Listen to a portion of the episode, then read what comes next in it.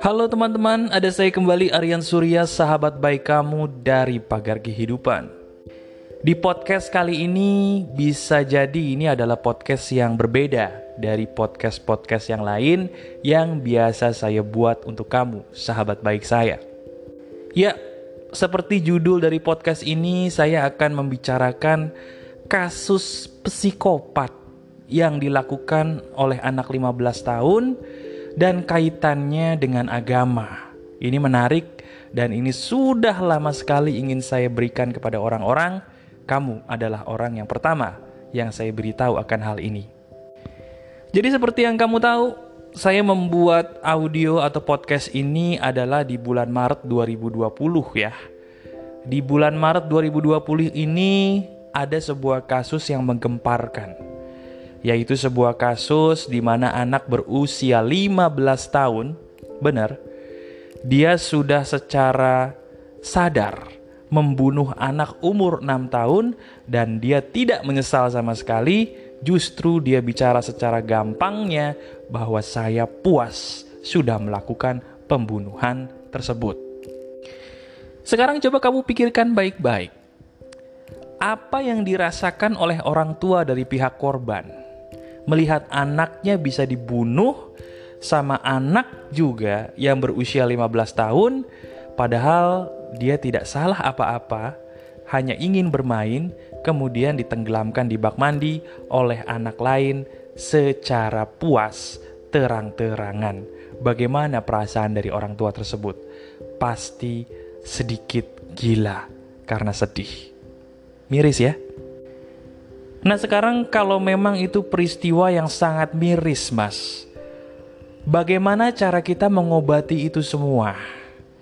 Bisa nggak sih hal-hal seperti ini mungkin dicegah supaya tidak terjadi lagi di masa depan? Jawaban saya ada. Caranya adalah kembalikan kepada agama atau ibadah.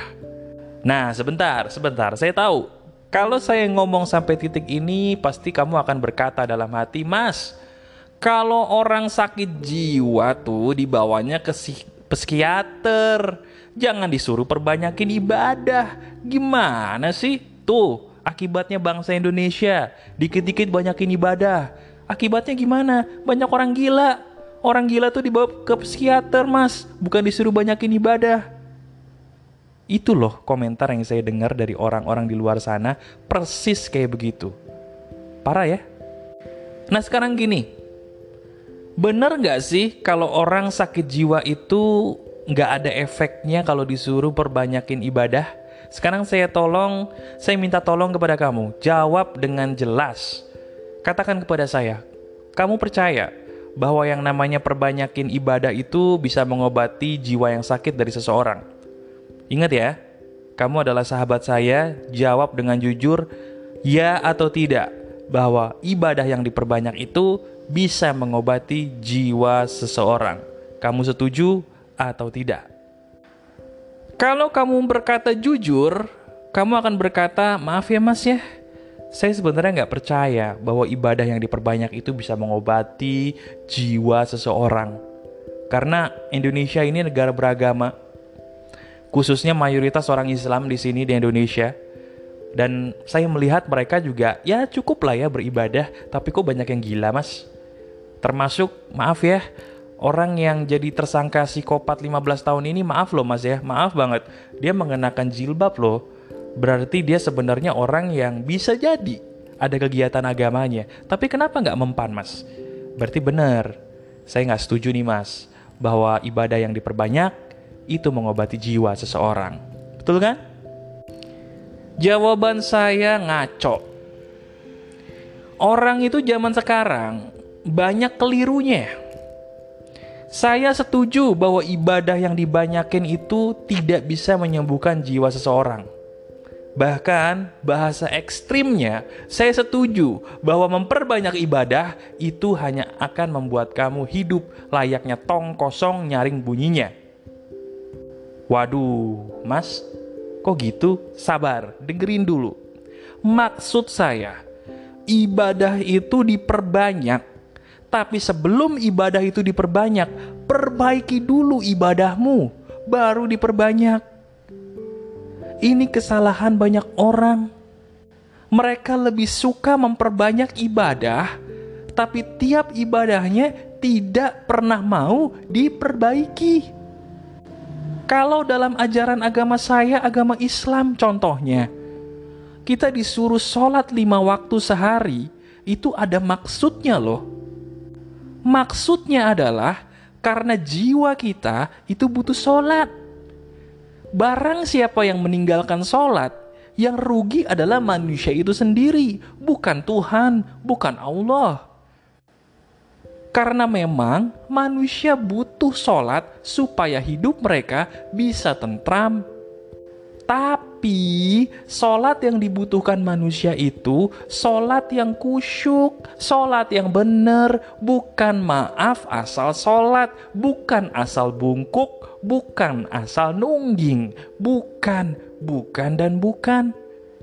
Kalau kita kembali kepada hadis nih, ajaran Islam ya, ada sebuah hadis sahih yang berkata begini, Barang siapa orang yang mengaku Islam, kemudian dia meninggalkan sholat.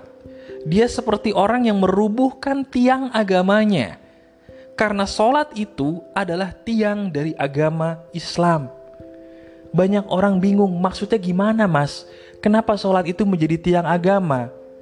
Maksudnya adalah sholatmu akan menentukan karaktermu.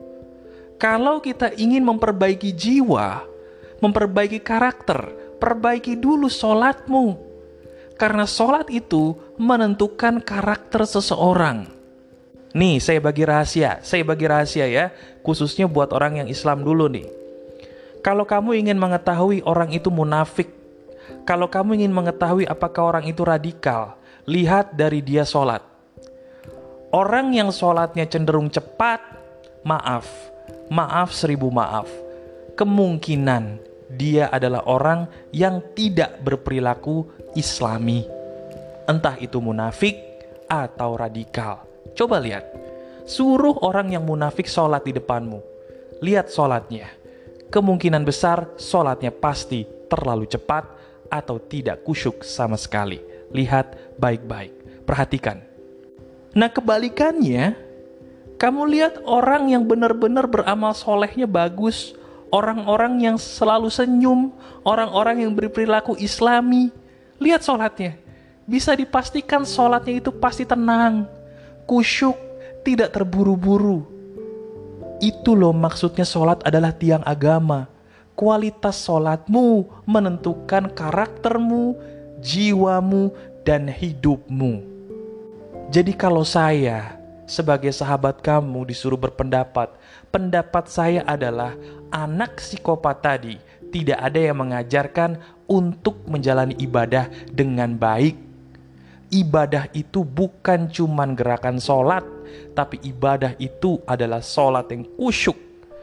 Perbaiki dulu sholatmu, jiwamu akan tenang, kepribadianmu akan damai, jauh dari sifat-sifat jahat, apalagi psikopat boleh dicoba. Nah, Mas, terus yang bagus itu kita boleh nggak sih, Mas, memperbanyak ibadah? Boleh nggak? Jawabannya boleh banget. Tapi saya balik lagi bertanya sama kamu. Kamu milih mana? Memperbanyak ibadah tanpa memperbaiki atau memperbaiki ibadah dulu sambil kamu perbanyak di tengah jalan? Kamu pilih mana? Kalau orang yang asal memperbanyak ibadah, itu ilustrasinya begini. Dalam ajaran Islam, sedekah itu ada aturannya. Pertama, kita tidak boleh bersedekah sambil menyakiti orang yang kita sedekahi. Itu penting. Barang siapa yang bersedekah, tapi dia menyakiti orang yang dia sedekahi, pahala dari sedekah itu gugur segugur-gugurnya. Nah, kalau orang punya pola pikir atau mindset yang penting ibadah diperbanyak, dia tidak peduli dengan itu. Yang dia lakukan apa? Yang penting gue sedekah mas. Bayangin, dia sambil sedekah, sambil ngomong. Dia naruh duit nih. Terus dia ngomong ke depan muka orang itu. Ah lu bikin gue kere lo. Dia sedekah lagi besoknya. Ah lu bikin gue miskin lo. Terus dia sedekah lagi, ah lu pura-pura lu. Tapi dia sambil sedekah, lidahnya nggak dijaga. Orang yang dia sedekahi sakit hati. Orang seperti ini punya pola pikir, yang penting saya ibadah mas. Ibadah saya diperbanyak. Itu aja yang penting. Sekarang menurut kamu, tolong dijawab, sia-sia nggak dia beramal? Sia-sia. Tapi maaf, orang seperti ini lebih banyak loh di sekitar kita daripada orang yang mau memperbaiki ibadahnya. Dari situ nggak heran kan kenapa banyak orang yang jubahnya suci tapi perilakunya tidak seperti jubahnya. Ini penyebabnya.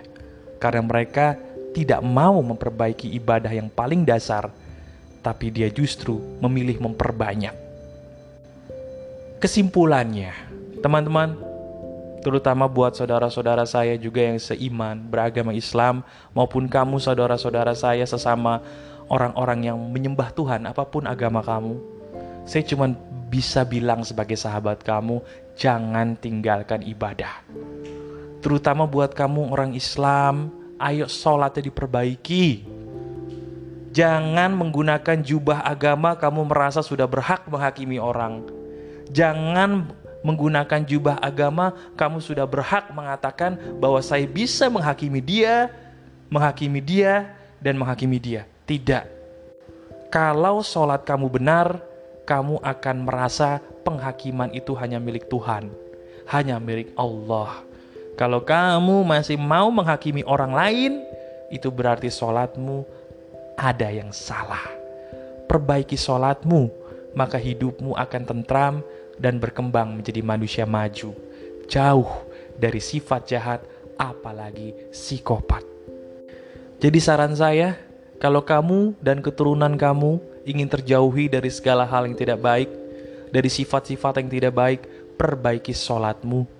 Belajar untuk sholat yang kusyuk, nikmati setiap gerakannya, pahami arti bacaannya, dan belajar untuk melaksanakan sholat tepat waktu. Jadikan orang-orang di sekitar kita sebagai orang-orang yang bisa kita ajak untuk menikmati dunia dengan cinta kasih. Karena itulah inti dari ajaran agama kita, Islam. Dan bagi kamu orang-orang di luar Islam, tegur sahabat kamu yang beragama Islam tapi perilakunya kurang baik. Tegur. Katakan, Lu nggak malu ya jadi tuan rumah yang kayak begini sifatnya? Lu nggak malu di hadapan Tuhanmu? Lu nggak malu di depan orang-orang katanya kamu beriman tapi perilakumu tidak mencerminkan imanmu. Tegur dia supaya dia malu. Teman-teman, kamu suka dengan podcast ini, saya bahagia. Tapi saya akan jauh lebih bahagia kalau kamu mau menyebarkan podcast ini. Tolong tolong berikan podcast ini kepada orang-orang di sekitar kamu. Kalau di kiri kanan kamu ada teman, colek teman kamu. Suruh dia dengarkan podcast ini dan sebarkan juga podcast ini kepada orang banyak. Saya ingin bangsa Indonesia menjadi bangsa yang waras. Supaya bangsa Indonesia menjadi tahu bahwa memperbaiki ibadah itu sangat penting sebelum mereka berpikir untuk memperbanyak ibadah. Teman-teman, saya sangat mencintai kamu. Jadikan ini semua sebagai landasan untuk memperbaiki diri ya. Masih ada saya Aryan Surya, sahabat baik kamu dari pagar kehidupan. Tetap keep spirit, keep sharing, and keep loving. Bye-bye.